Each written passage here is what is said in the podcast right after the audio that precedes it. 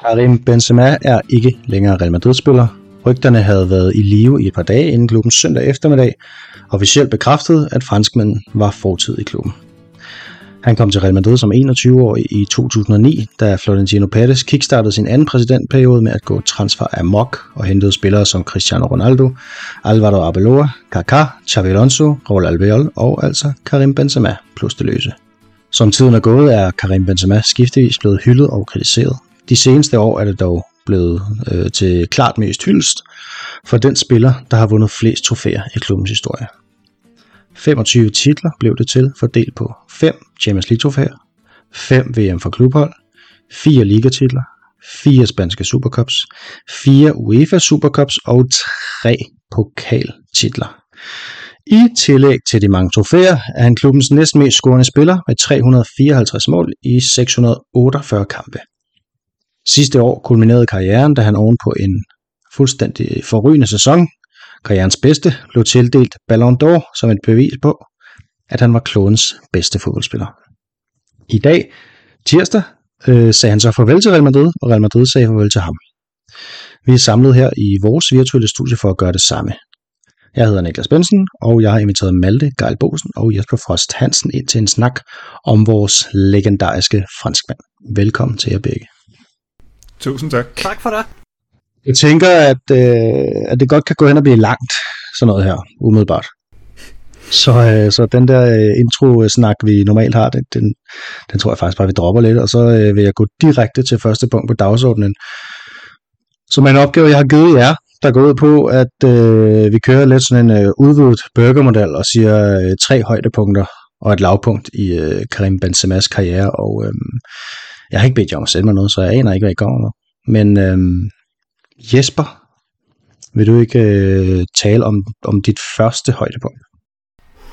Jo, jeg har bøjet den lidt, fordi øh, højdepunkt øh, har jeg taget lidt som øh, sådan en, en skældsættende begivenhed i, i, hvad hedder det, hans tid i, i Real Madrid, og jeg har, har valgt den første her, som var, var det, José Mourinho sagde om ham på et tidspunkt i, i starten af hans øh, karriere i, i Real Madrid, øh, hvor, hvor Mourinho kritiserede øh, Benzema lidt ved at sige, at, at når man skal på jagt og ikke har en hund, så må man tage katten med. Øh, og jeg ved, at vi kommer til at senere snakke om hans, hans første tid i klubben, og, og der, der kan vi jo uddybe den her lidt, fordi jeg synes, den, den var sådan lidt øh, skældsættende for hans videre karriereforløb i, i Real Madrid, den her udtalelse. Der var ikke nogen sådan øh, positiv vending på den der, det var bare højdepunktet. Øh, nej. øh, og så, så var han igen, og... ja, okay. Mm-hmm. Altså Malte, så du også den som ros? Nej, det ikke, ej, det tror jeg heller ikke Jesper gjorde, men, øh, men øh, det, er nu, det er ikke nødvendigvis lige et, et højdepunkt for mig. Øh, det kunne måske have været et lavpunkt, men han har selvfølgelig slået igen. Øh, Jamen, jeg sagde også, ja. at, det, at det ikke var som sådan et højdepunkt, ja, fordi ja, ja. Det, det var en, en, en, en José Mourinho-kritik af Benzema selvfølgelig. Øh, men, men jeg synes, det blev skældsættende for, for, hvad hedder det, den kamp, der var mellem Benzema og Egoin, øh, og så Benzema's videre karriereforløb, og derfor synes jeg måske den, jeg, jeg har synes den var lidt vigtig at, at få med den her udtalelse, fordi øh, han blev jo senere en hund. Ja, ja, præcis, eller en løve. Ja, altså, ja. Men øh, er vi er også enige, altså det er jo et af de der mest øh, sådan, Ja, når du siger skilsættende, så giver det bedre mening for mig, ikke? fordi det er jo et af de der vigtige nedslagspunkter der i Benzema's karriere, fordi det var så tidligt. Øh, det var jo allerede i hans anden sæson, var det ikke det, Jesper? I, øh, det må have været, eller var det i den første? Nej, det fordi der, der en havde vi Pellegrini som, som træner, Ja, ja, nå, ja, Mourinho kom først øh, til senere, øh, så...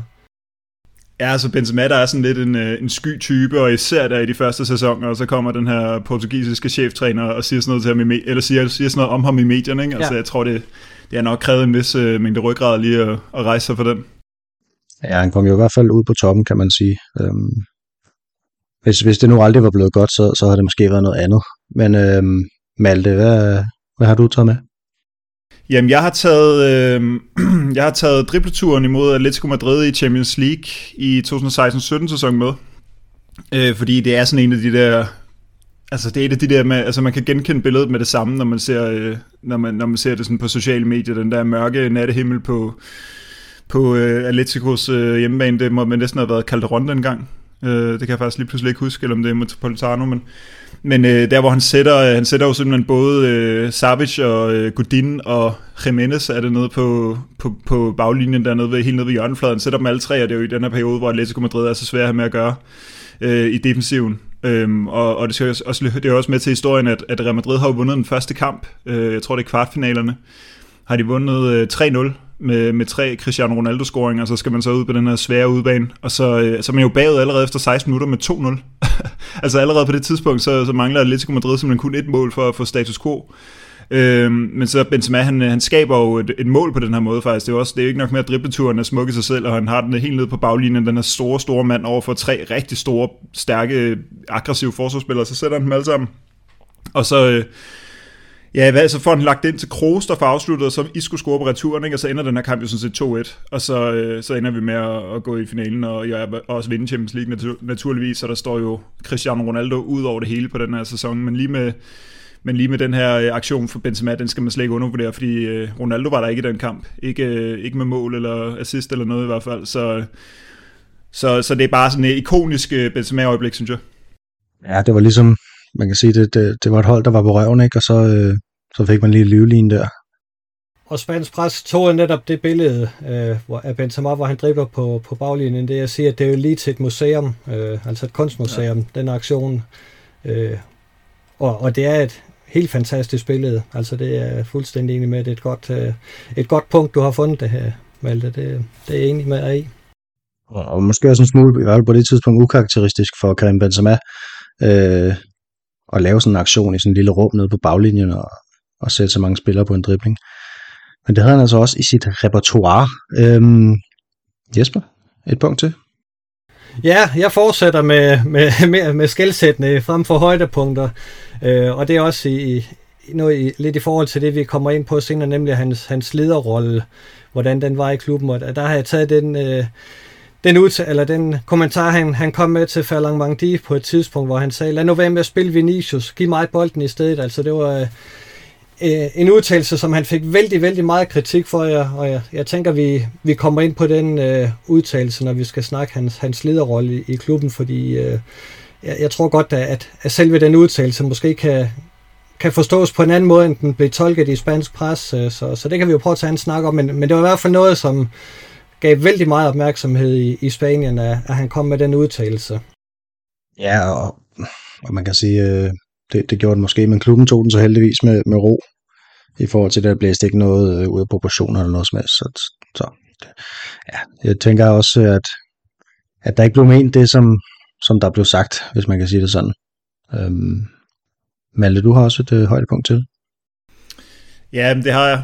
Øhm, jeg, jeg har faktisk øh, taget, øh, nu gemmer jeg det bedste til sidst, så nu tager jeg den her i stedet for, øh, og det var da han, øh, han overhældede Raul i starten af den her sæson på, øh, på topscorelisten, altid topscorelisten i, øh, i Real Madrid med, med, med ovenikøbet et øh, finalemål i den europæiske Supercup imod Frankfurt, og det er jo sådan set hverken kampen, målet eller øh, turneringen, der, der gør det for mig, men det er bare det der, det var så vildt, altså at, at Benzema han ender der. Han simpelthen ender som den næstmest scorende spiller i Real Madrids historie. Man kan sige, Cristiano Ronaldo er jo fuldstændig uden for kategori.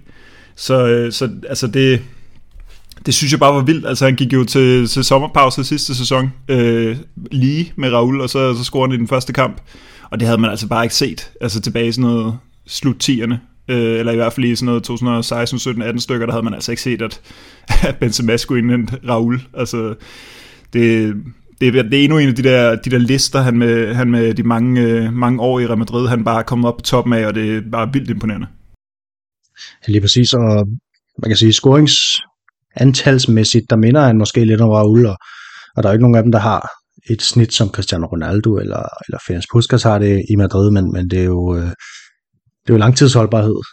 Øhm, og så er man altid er der, altså ligger stødt omkring de der 20-25 mål per sæson, så skal det nok blive til noget i sidste ende, kan man sige. Øhm, Jesper, nu øh, skal vi helt ned i koldkælderen. Jeg skal have et lavpunkt.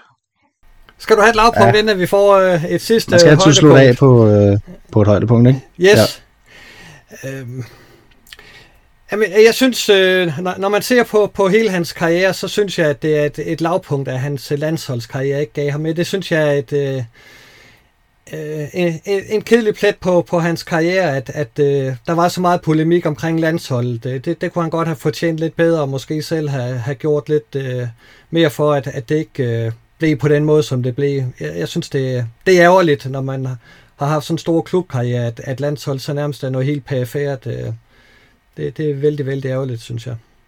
Ja, og mm, altså, som, som jeg lige så det i øjeblikket, og måske også i øvrigt stadig, så tænker jeg, at det VM, der lige har været i Katar, øh, oven på hans Ballon d'Or, øh, ja, hvad siger man, sejr, det, det skulle ligesom have været kulminationen på, på karrieren, ikke? At han, nu skulle han tage ud for Frankrig igen, og så skulle han blive verdensmester til dem, og så var karrieren ligesom fuldendt. Øhm, den der hjemsendelse, han får af, af Didier Deschamps med, med skaden der, jeg tror, at den har taget pusen fra ham på en eller anden måde. Altså taget noget motivation, som han måske ikke har genfundet overhovedet.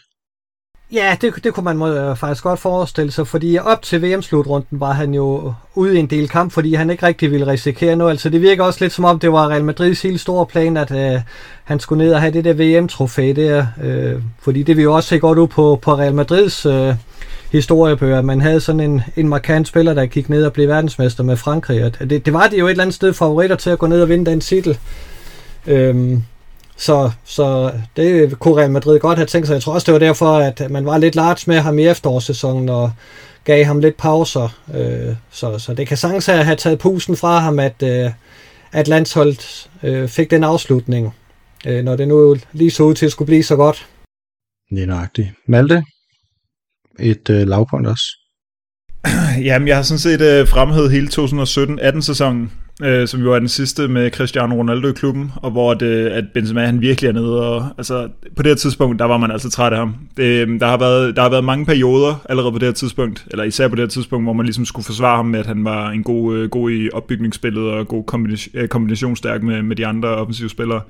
Men her, hvor han laver øh, 12 mål på, alt, øh, på tværs af alle turneringer i 2018, Øh, 2017-18 sæson, og kun fem i ligaen, hvor nogle af dem er på straffespark, bare fordi Cristiano Ronaldo begynder at få ham, øh, så det ikke ser helt så pinligt ud. Øh, og Banabeo er på nakken af ham, og der har også været nogle, nogle sæsoner for enden, dengang Pepe stadig var i klubben. Jeg kan stadig huske det der med, at han var jo fordi, altså, det er jo sådan noget, man lidt glemmer, fordi nu blev han så stor en leder. Han var nærmest den allerøverste hierarkiet ikke, her i de sidste fem sæsoner. Men tidligere var han jo sådan sådan en sky fyr, som øh, sådan blev, blev en lille smule hakket på nogle gange i de andre. Altså jeg kan huske det nu, i sådan en periode, hvor Pepe han hakkede på ham, altså i en kamp, hvor Abelora blev nødt til at gå hen og decideret hive Pepe væk fra ham, fordi han simpelthen var så træt af Benzema. Øh, og det var, jo sådan, det var jo noget med den der attitude. Og dengang lignede Benzema jo heller ikke et øh, fysisk praktisk, praktisk klar. Han var jo ikke den der ultra øh, seriøse atlet, som han, han blev senere. Øh, og i 2017-18 sæsonen, der der kulminerede det simpelthen med, altså med dårligdom. Altså, øh, han havde heller ikke verdens bedste 2016-17 sæson, selvom jeg godt nok lige har fremhævet et, øh, et højdepunkt fra lige netop den sæson, men, men sådan overordnet set var det ikke de bedste sæsoner. Og jeg, jeg, altså jeg havde den der klare fornemmelse af, at, at nu, nu, nu går den ikke længere. Altså nu kan man da ikke holde hånden over ham længere. Altså selv Zidane, som er som ligesom skulle være hans, helt, øh, hans storebror nærmest, ikke? eller hans, hans sådan helt store øh, støtte. Altså han kan ikke engang få Benzema til at, at præstere sådan rigtigt. Altså, det gik jo nærmest dårligere, da, da Zidane kom til i forhold til Ancelotti og, og nogle af de andre forinden.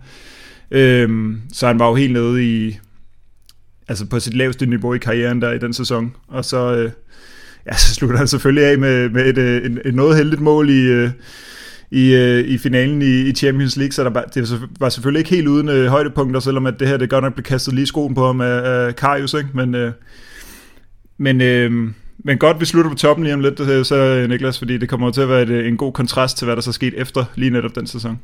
Ja, og det, og det kommer også øjen på en sæson der, altså 17-18-sæsonen er jo ikke prangende i ligaen, kan vi vist godt sige, men, men 16-17 sæson var jo en af de bedste sæsoner, jeg kan huske. Og der lavede han også, altså der lavede han, det, det er den eneste sæson, hvor han laver under 20 mål, ud over, ud over sæsonen efter, ikke? Altså, bortset fra den allerførste øh, i Real Madrid-karrieren, og 11 i ligaen, hvor Morata, han, han lavede 15 i færre kampe.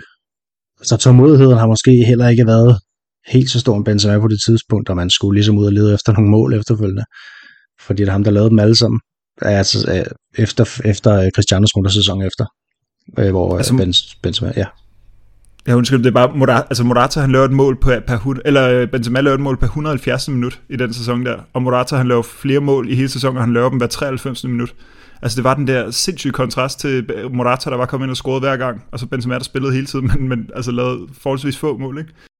Ja, og så Morata, der blev solgt øh, om sommeren ikke? til Chelsea. Et øh, sidste højdepunkt for Jesper? Jamen, det er sæsonen 21-22, hvor, hvor han buller igennem med, med masser af mål og fremragende spil, øh, altså hvor han, han bærer os igennem øh, Champions League øh, øh, turneringen og, og ender med at og, og, og så være med til at sikre os den her fantastiske titel efter alle de her remontadas. Det var han jo en, en stor de, øh, del af øh, med alle hans mål, 15 øh, Champions League-mål. Øh, det er meget få spillere, man, kan, man nærmest kan sige, har, har båret øh, holdet egenhændigt igennem til en Champions League-titel, men, men Benzema er en af dem, og den her sæson var bare helt fænomenal. Øh, det, det, det, det, det, det var svært at overgå, det kunne han jo så heller ikke, øh, men, men det har været svært at overgå for alle. Ja, og det blev også til 44 mål i 46 kampe i, i det, som er sidste sæson. Øhm, og, og ja, selvfølgelig lidt helt sindssygt, sindssygt run i, i knockout-fasen af Champions League, som ja, der kunne man jo sagtens tage sine tre øh, højdepunkter for, for tre af de kampe, hvis man, hvis man ville det. Ja, nemt. Øhm, ja, Malte, det sidste. Jamen, jeg har også fremhævet 2021-2022 sæson som helhed, netop øh, på samme grundlag. Det er svært at bare tage et enkelt højdepunkt der, fordi man kan tage både hat-trick mod PSG, hat-trick mod Chelsea, man kan også tage nogle vigtige ligamål. Han får Ballon d'Or på baggrund af den her sæson. Han, hans Panenka imod øh, Manchester City i semifinalen øh, i Champions League. Han bliver topscorer i både øh, La Liga og i Champions League, altså, og vi vinder begge turneringer. Altså, det er bare en helt vild sæson for Benzema. Så det er jo et sjovt, det her med, at han laver de her 15 mål i Champions League, for jeg var lige inde og kigge på, sådan, hvor mange han laver per sæson. Altså hans næstmest scorende øh, sæson i, i Champions League, det er i, øh, i øh, ja, det, må, det er hans tredje sæson, hvor han scorer syv. Det, det vil sige, at uh, i den her sæson, 2021-2022, der, der, fordobler, der mere end fordobler han sin hidtidige bedste uh, måltotal. Ellers så ligger han altid på sådan noget 4-5-6 stykker. Så det er bare sådan en, en, en sæson, der står fuldstændig ud fra, fra alt, hvad han sådan ellers har bedrevet i Real Madrid. Og det, det er nemlig bemærkelsesværdigt, for den var jo også inde og kigge uh, de to sæsoner før den her fremragende sæson, og så den sidste, han havde her, der laver han 15 mål til sammen uh, i Champions League-turneringen i de tre sæsoner. Så, så det, det er faktisk lidt, øh, lidt markant, øh, den her vanvittige sæson, han havde, at uh, der, der brager han igennem, så det virkelig kan mærkes. Ja, lige nøjagtigt, og øhm, fra øh, den ene ende af sin Real karriere til den anden, i hvert fald tidsmæssigt, øhm, så har vi, øh, eller jeg har bedt jer simpelthen, om at øh, dykke lidt tilbage i tid. Han kommer til Real Madrid, som nævnt, i 2009, og de første fire år, der, øh, der ja, det første år, der er Ulle jo, øh, også sammen med Gonzalo Guene i øvrigt. Og så er øh, Gonzalo Higuain der indtil 2013, og der er jo sådan en, en kamp mellem de to om, hvem det er, der skal spille, og mange er på den ene side, og mange er på den anden side. Øhm, og jeg husker I øh, for de fire sæsoner med, med Benzema, måske i kampen imod Higuain, øh, måske Benzema som, som, som, som sig selv. Øh, Malte, har du, øh, har du noget på hjerte i forhold til de fire sæsoner? Jamen for det første har jeg det på hjertet, at øh, det er som om der stadig, til stadighed synes jeg ikke, at det er alt for lang tid siden, jeg hørte en kommentator snakke om, at, øh, eller en eller anden podcast, eller, altså, eller om det var i tv, snakke om, at Benzema jo også godt kan ligge på kanten. Altså det har han altså ikke gjort siden i netop de her år, altså 2009 til 2013, fordi det var dengang med, at Mourinho, han ligesom, øh, han brugte ham derude. Øh, og der, der var han jo en, øh, for det første var han en indskiftningsspiller, hvis vi lige ser bort fra den første sæson under Pellegrini, der var han jo, øh, altså der, der, blev, der spillede han ikke øh, ret meget, øh, han scorede også kun ni mål i sin første sæson, og spiller kun øh, fuld tid i syv kampe i sæsonen, bliver skiftet ind 15 gange, han har et gennemsnitligt minutantal på 52 øh, minutter per kamp, det har jeg jo skrevet ned til, til alle de her øh, sæsoner. Han, han spiller 52 i sin første, 57 minutter per kamp i sin anden, 66 i den tredje og 57 i den fjerde. Og det ændrer sig altså med det samme, at Mourinho stopper, og at øh, Carlo Ancelotti kommer ind. Fordi det her, på det her tidspunkt, der bliver han både brugt på højre kant og på venstre kant. Han blev primært brugt i angrebet, men der skulle også være plads til Higuain ofte. Ikke? Og, øhm, og hvis du snakker om ham som spiller, Niklas, så er det jo, altså jeg husker ham som sådan lidt mere, øhm, Altså han, han, ja, det siger jo sig selv, han mindede, han mindede mere om den spiller, han var i Lyon. Altså sådan hurtigere og mere driblestærk, og han har sådan nogle, øh, hvis man går ind og ser nogle af de der driblemål, hvor han, han ligner jo lidt mere sådan en, øh, en reel kantspiller. Altså sådan nogle øh, step over og sådan noget, øh, som, jo, som jo ikke, øh, altså det, der var mere elegance her senere i, i karrieren. Dengang var der også noget, noget rå power, noget fart i, i fødderne. Øhm, og så, øh, så husker man selvfølgelig Benzema for, for mesterskabssæsonen under Mourinho, hvor han jo scorede de der, sammen med, med Higuain og Ronaldo, der scorede de jo 89 af 121 ligamål. Øh, de scorede jo 118 mål til sammen i den sæson, de tre der. Øh, så det var jo helt fuldstændig vildt. Og så husker jeg øh, den sidste ting, det, det her med, jeg husker det meget tydeligt, det der med, eller det er i hvert fald noget, jeg ofte har tænkt på siden, det der med, at, at, øh, at også en af grundene til, at man, man kunne lide Higuain, eller måske også fordi, at Mourinho han så Higuains vej, fordi det var Higuain, der fik lov til at starte de vigtige kampe. Altså hvis vi tager øh, Copa del Rey-finalen i 2011 for eksempel, som vi vinder, altså der kan man jo huske at Di Maria, der smækker indlægget ind i hovedet på Cristiano Ronaldo. Det er jo Adebayor, der står lige ved siden af Ronaldo, fordi Adebayor får lov til at spille den finale. Benzema han sad 120 minutter på bænken, altså ikke et eneste minut foran, og han får heller ikke et eneste minut i nogle af, af, af klassikerne i semifinalen i Champions League. Higuain heller ikke den finale. De er begge to på bænken, ikke? Ja, ja, det er rigtigt. Så selv når Higuain ikke er der, så er der Adebayor, der kommer ind, ikke? og Adebayor kom jo i det hele taget ind, fordi at, øh, at, ja, at Higuain var skadet jo, øh, så ville han hellere spille med ham, ikke? Øh, og, og sådan var det faktisk også, hvis, hvis vi zoomer en, øh, eller går en sæson længere frem. Øh, de der Dortmund-kampe, dengang Lewandowski han scorede øh, fire mål imod os øh, nede på, på Dortmund stadion der. Der i, i begge de kampe, både den og så returkampen, der bliver øh, Benzema skiftet ind. Øh, han kommer så ind med et brag af den indhop, øh, Benzema, og det kunne jeg faktisk, jeg var lige ved at tage det med som et højdepunkt, faktisk, fordi jeg kan huske den der kamp på Bernabeu, hvor det, at vi brænder så mange store chancer. Vi skal jo vinde med tre i den her kamp. Og så øh, vi brænder enormt mange store chancer. Øssel, han smider bare de der chancer væk, og jeg tror faktisk også Higuain brænder, brænder nogle store chancer. Og så skifter vi Benzema ind, og så både assisterer han øh, og scorer selv, og så er det jo så tæt på, at vi får spillet os i finalen på det tidspunkt. Det lykkedes jo aldrig under Mourinho. Øh, men det var ligesom det her med, at det var som om, at, øh, at Higuain ligesom havde øh, Mourinhos gunst, og det var jo nok noget med attituden, fordi det, altså det var, det, det var jo, altså jeg kan, jeg kan tydeligt huske, hvor, hvor frustreret man kunne være over Benzema, fordi det er jo bare det der, når det ikke går, altså når det ikke rigtig går, og han heller ikke rigtig er på toppen, jamen så er han bare en, en spiller, der er sådan svær at, at holde med, tror jeg, øh, især i, de her, i hans unge dage, der tror jeg det er nemmere med, med Higuain, der er så spækfyldt med, med følelser altid, altså jeg var jo faktisk øh, ret vild med, med Higuain dengang, øh, ja. Det har jeg også været en gang. okay, Jamen, det var jo sådan, at man var til enten Higuain eller Benzema øh, på det her tidspunkt her. Altså, der var en af dem, man skulle beholde, og en af dem, man skulle af med. Det vidste alle, og så havde man ligesom valgt, og jeg var også ret glad for, for Gonzalo Gønne. Jeg kunne godt, jeg kunne godt lide måden, han reagerede på, når holdet scorede, uanset hvem det var. Øhm, og så havde han jo også nogle kampe, hvor han, hvor han var helt sindssyg, ikke? Øhm, men hvor han tidligt i sin karriere jo kom til at brænde alt for mange chancer. Men han fik jo en god karriere i både øh, Napoli og, og Juventus, og, og det viser jo at være det rigtige at gøre, i hvert fald at skille sig af med ham, og så beholde Karim Benzema. Øhm, synes jeg, det tænker jeg også, jeg synes, sådan som det er gået. Øh, Jesper, hvad tænker du om de første fire sæsoner her? Hvad har du bidt mærke i? Jamen, som, som Malte siger, så, så var det jo en, en svær start for, for Benzema. Øh, altså i tre af de fire sæsoner, de øh, uh, Iguain og, og Benzema spiller sammen, der er det jo Iguain, der laver flest mål i La Liga.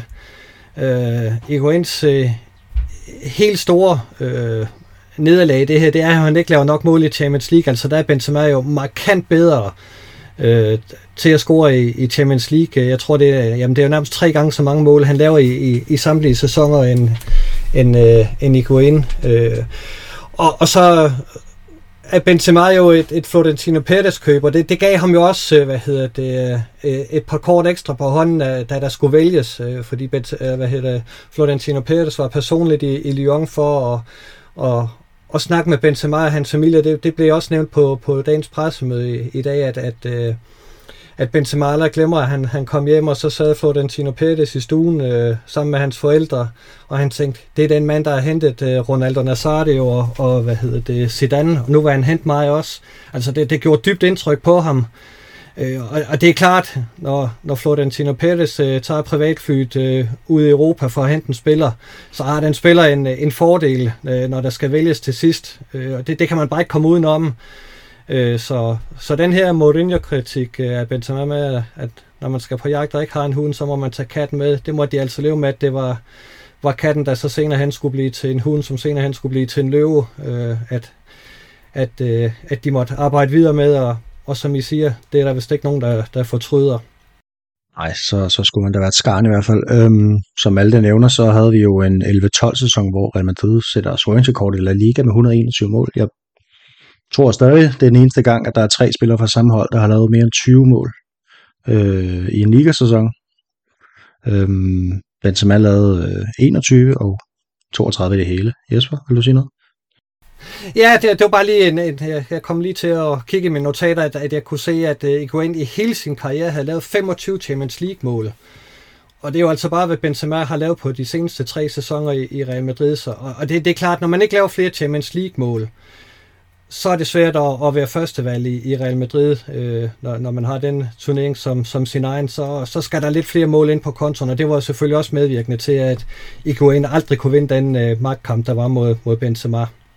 Det, det var ikke kun øh, Perez, der holdt hånden øh, over ham. Ja, og Benzema han har jo lavet 90 mål i Champions League nu. Øh, den fjerde mest scorende spiller den, ja. som er 78 for Real Madrid. Øhm, det er kun Cristiano Ronaldo, Messi og så Lewandowski, der har lavet flere. Han er jo den spiller, der har spillet næst flest kampe i Champions League for Real Madrid med 133, og det er kun Casillas, der har spillet flere end ham med 150. Øhm, super fint. Jeg tænker, at vi skal have første omgang i vores quiz nu her, hvis ikke der er nogen, der har mere at tilføje til de tre første sæsoner. Øhm, og jeg skal simpelthen have Jesper til at vælge et tal mellem 1 og 4. Jamen, så tager vi nummer 4. Ja. Den tror du, vi er glad for. Nå, lad os nu se. det, det tror jeg faktisk ikke, du gør. Men øhm, du skal nævne fem hold, som øh, Karim Benzema har scoret minimum tre mål imod i Champions League. Øhm, og øh, lad os sige, det er på syv gæt, det vil sige, du har mulighed for at gætte to gange forkert. Altså fem hold, som han har scoret minimum tre mål imod i Champions League. Øh, og det er selvfølgelig ikke, ikke i en kamp, det er sådan i løbet af hele Real Madrid-tiden. Og der er, der er 16 i øvrigt. Det skete imod 16 hold. Liverpool jo. Liverpool er den ene, ja. Og Chelsea. Chelsea er den anden. Eller en af de andre. Og, ja, Paris. Det er også en. Nu er vi bare to, og du har fire tilbage. Det er jo forrygende. Mm, ja. Hmm. Har han været god mod... Han har vel været god mod City også? Er det et gæt? Ja, det er et gæt. Det har han også, ja. Så skal vi have en mere. Der er en, øh, og du har tre gæt. Hvem har vi mødt? Øh, kunne, kunne Bayern München være en mulighed? Det kunne det lidt, Den prøver jeg at gå med. Det var Bayern München også. Du skulle kun bruge fem gæt for at få fem og for at få et point. Fantastisk. Udover øh, de fem, du nævner, så er der Ajax, Apoel, Auxerre, Borussia Mönchengladbach, Dortmund, Galatasaray, Lyon, Malmø, Pilsen, Schalke 04 og Shakhtar. Så tror jeg, det var det rigtige, det valgt, for de andre kunne jeg godt have svært ved at komme på. Så. øh, Malte, jeg skal bruge øh, et tal med 1 og 3 så for dig. Øhm, tager nummer 3. Den læner sig lidt op ad den jo, men øh, det er den klub, som Benzema har scoret flest mål imod i Champions League, er samtidig den klub, han har slået flest gange i Champions League. Hvilken klub er der tale om? Det er en af de 16 nævnte, kan jeg fortælle dig. chok, chok, chok. Den han har vundet flest kampe imod. Det er også dem, han har scoret flest mål imod i Champions League. Godt være, jeg skulle lytte efter, da du lige læste uh, listen op før. Ja, det kunne man da ønske sig.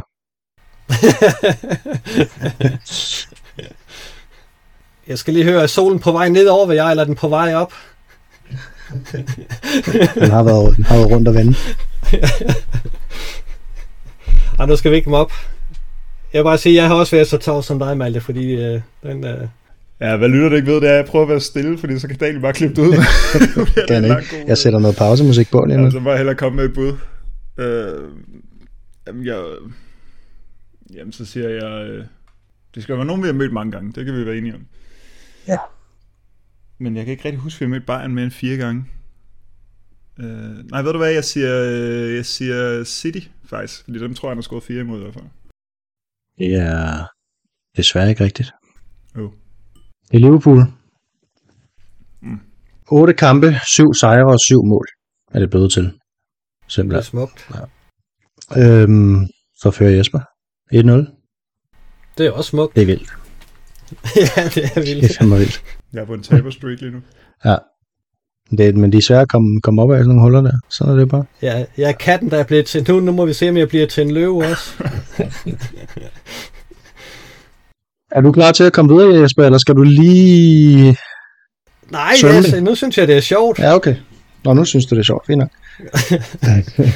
Jamen, så, øh, så tror jeg lige, vi rykker lidt frem i tiden, fordi så øh, sker der simpelthen det, at øh, Gonzalo Higuain, han bliver jo solgt til øh, Napoli, hvor han skal overlave en masse mål, øh, forsøge at virkelig hive et hold til et mesterskab. Det lykkes ikke i den klub.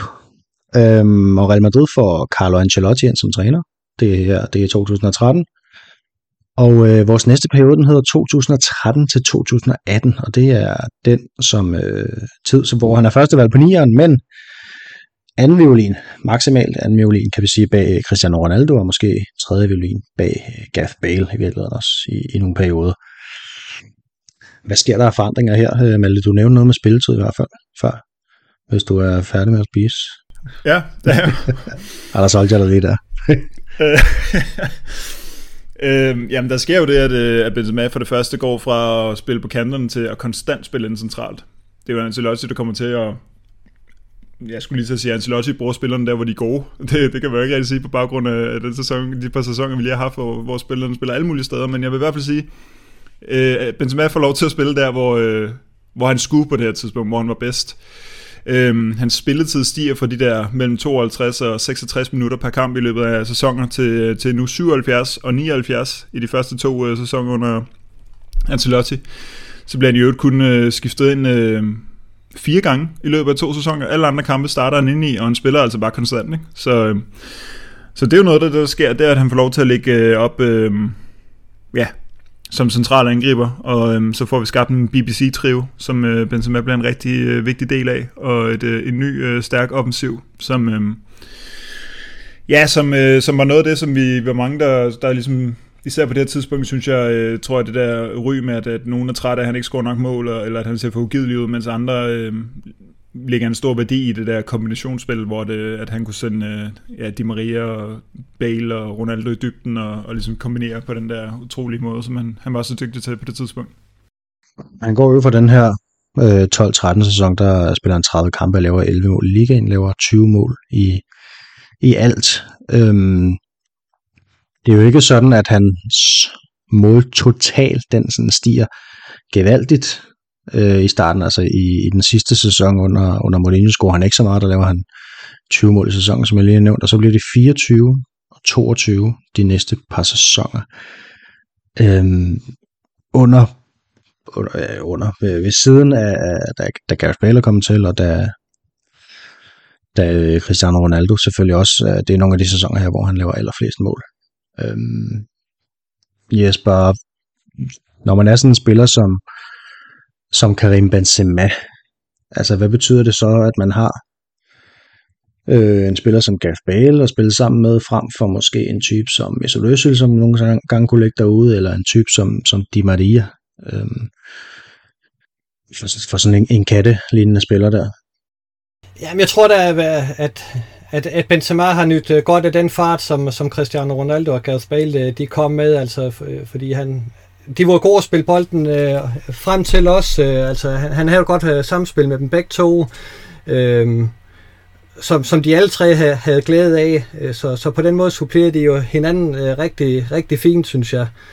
Øh, øh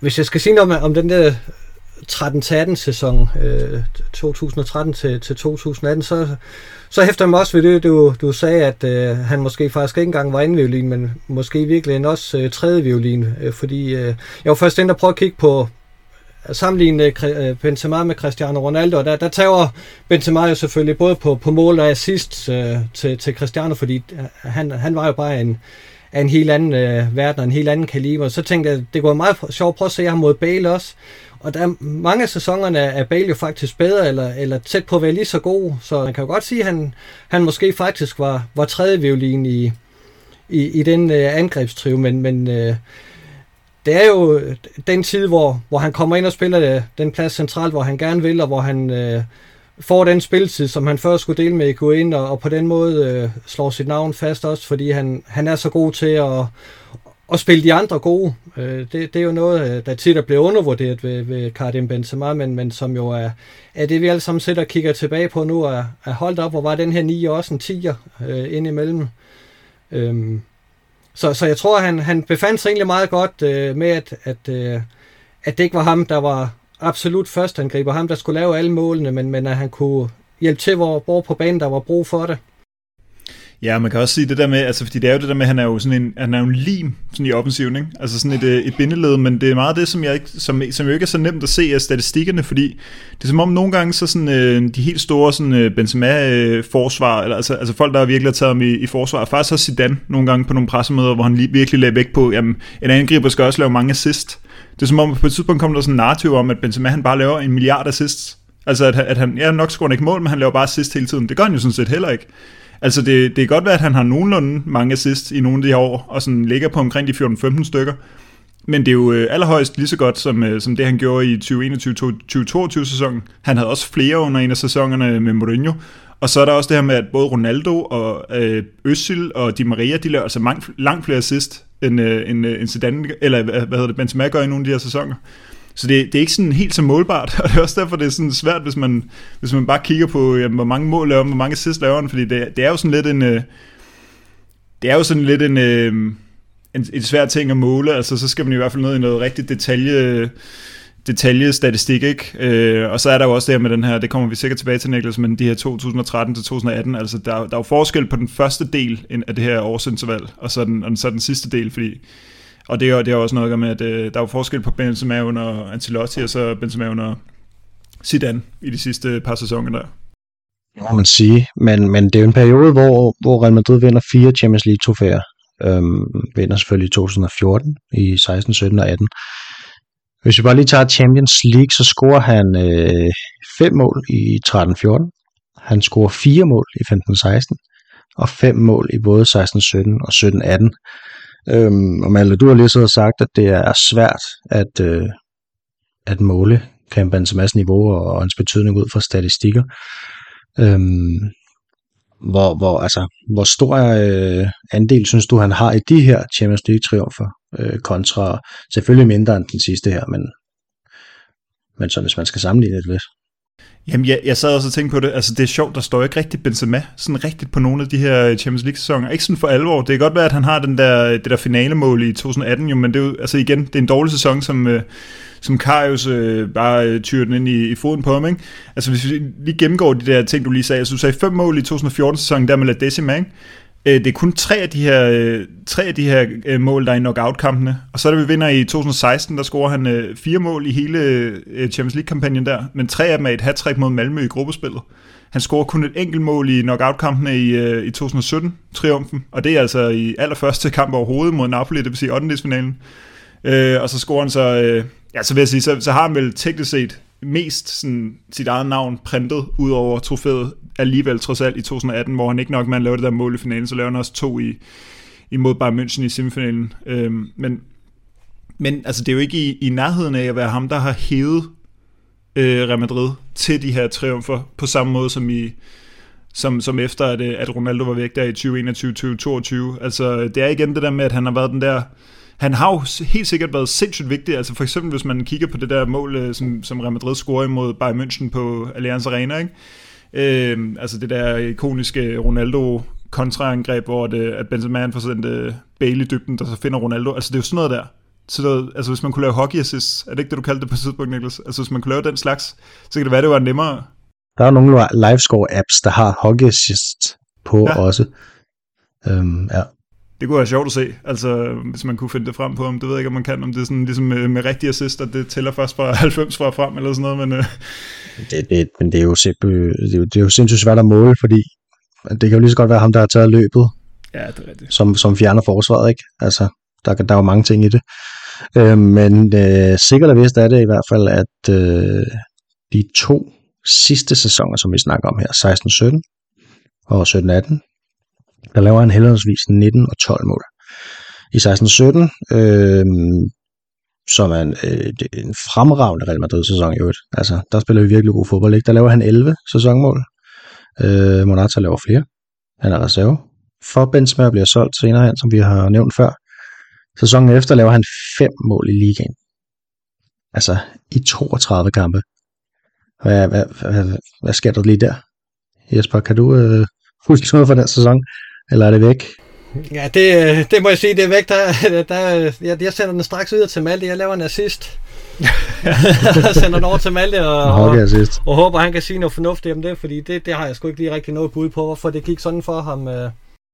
Nej, jeg, jeg har jo heller ikke noget bud på, hvorfor det skete. Jeg kan bare godt, jeg kan bare godt huske det. Altså, jeg kan godt huske den følelse, man sad med i maven. Øh, og jeg har faktisk allerede nævnt det på den her podcast. Det er ikke det helt store for, øh, forkromede for vælger ved at give Benzema, når jeg bare sidder og borer ned i, i, 20, øh, i, de, i lige præcis de to sæsoner. Vi skal nok komme tilbage til noget mere positivt, men det er jo trods alt lavpunkterne, det her.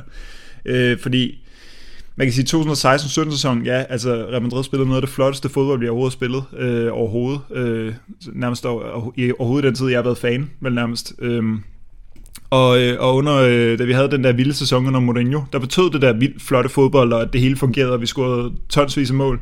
Det betød så også, at Benzema også lavede tonsvis af mål. Altså det var i lang tid hans rekord jo, øh, på, på mål per sæson. Det var de der 32, han lavede under, øh, under Mourinho i 2011-2012. Øh, men det sker altså ikke i 2016-17 øh, sæson, hvor vi jo både vinder Champions League og La Liga. Altså, jeg, jeg skal ikke kunne sige præcis, hvad det er, der skete, men, øh, ja, men det var i hvert fald, jeg husker det, det der med, at man sådan, begge de sommer der, der var det sådan, altså man havde en fornemmelse af, at der er nogen, der holder hånden over ham, eller han har noget, han har noget, øh, noget velvilje i truppen, altså der, der har været et eller andet, som, hvor, hvor det ikke helt var altså flugtet med, hvad man som fan, og nu igen siger, fordi det, det, der med, det, det er også det, der er vildt med det her farvel, vi tager nu, fordi han er jo så, selvom han er så stor en legende i klubben nu, Benzema, så er han jo langt, i lang tid sådan delt vandene. Så når jeg siger, at man som fan øh, ligesom, okay, nu måtte det gerne være et farvel, altså nu er det simpelthen for, for dårligt, der kan jeg i hvert fald tale for mig selv, og, og, og mange, som jeg ved, var enige med mig, og der skal nok også være nogen, der, der synes, at det er for hårdt imod ham, og, men, øh, men det var i hvert fald, altså der var nogle sæsoner, hvor man ligesom synes, at, øh, at det var ikke øh, på niveau længere, og, og også det, jeg nævnte før med, at, at både, altså Banabeo var også på nakken af ham, og man kan jo godt forestille sig Benzema, altså sådan, at han, han, at han måske ikke er den typen, der nødvendigvis, selvom han er så blevet så stor en spiller og, og virket som sådan en kæmpe chef her til sidst, ikke, så, så tror jeg ikke, at man, jeg tidligere ville have skudt ham til sådan en, der, der er god i modgang. Altså når et helt øh, stadion pifter ham, Altså, og Ronaldo bliver nødt til at pege på ham, hver gang han får en assist af ham, for, for at få tilskuerne til at, at, at klappe en lille smule Benzema, fordi han, fordi han ikke selv kan få dem til det. Altså, det tror jeg bare ikke. Øh, altså, jeg tror måske, det er en, en glidebane, når, når først vi havnede der, at uh, der var så meget utilfredshed, utilfredshed omkring ham. Øhm, og så heldigvis kunne han jo sparke de der straffespark ind. Der, dengang var han jo en uh, usvigelig sikker straffesparkskytte, så man aldrig rigtig fik lov. Det, det var faktisk uh, sjovt nok, at det var omvendt senere, ikke? at det, det, det begyndte at gå galt, fordi så havde, så havde det altså virkelig så grimt ud. Sådan, uh, men også fik brændt de der, fordi der var, der var bare sådan en, der, der, der, han havde ikke den der velvilje, virkede det som om. Øh, hverken sådan øh, herhjemme, når man snakkede med, med Real Madrid-fans eller fodboldfans generelt. Det var jo heller ikke, jeg husker det heller ikke som om, at, øh, at fans af andre klubber, de havde den der, altså Benzema, han var den store stjerne, sådan øh, internationalt set, en, en stor øh, angrebsspiller, altså, og, og heller ikke sådan i Madrid-smogen, øh, og, og så heller ikke på Bernabeu. Så jeg tror egentlig bare, at det var, det var havnet en ærgerlig cyklus, som jo så... Øh, som jo så kun Benzema kunne hive sig selv ud af, og det formåede han så heldigvis også. Ja, men, men Jesper, øh, to La Liga-sæsoner, 61 kampe, 16 mål. Øh, Cristiano Ronaldo smutter. Gareth Bale er jo allerede på det her tidspunkt reservespiller. Altså han, han starter jo ikke i Champions League-finalerne i de år der. Hva? Kan du huske, hvad du tænkte øh, om, om, om Benzemas fremtid i Real Madrid? Altså tænkte du, at det her, det, det bliver bare den her nier, vi skal have nu, og så må han øh, lige lægge øh, 20 mål til, eller måske endda 30 mål til på en sæson. Altså.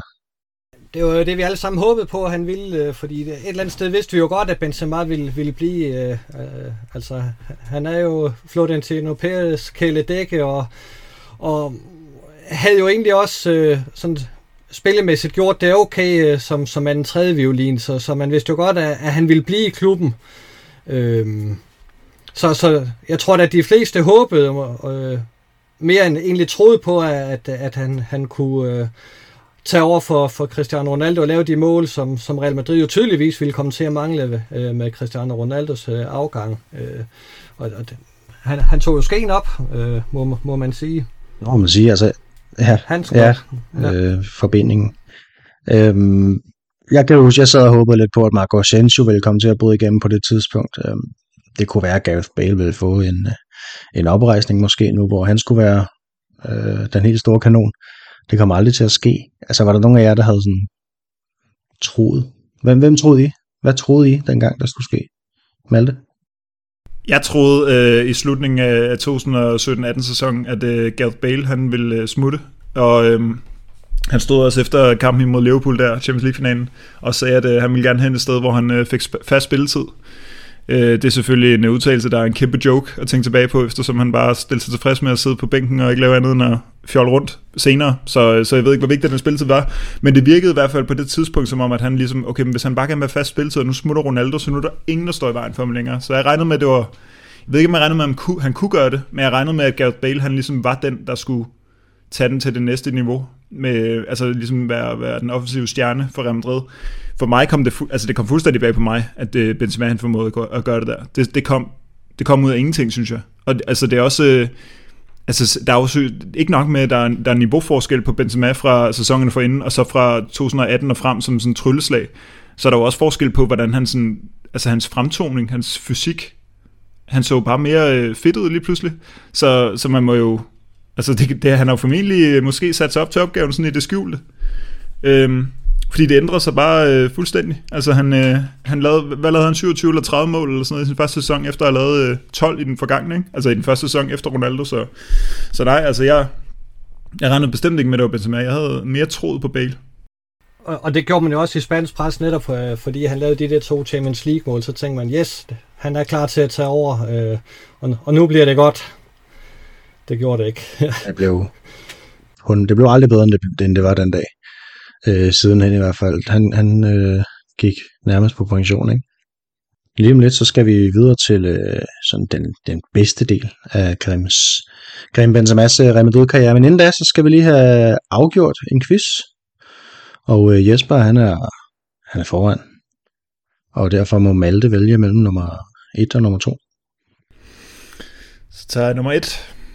Nummer 1 er, hvilket trofæ var Karim Benzema's første i Real Madrid?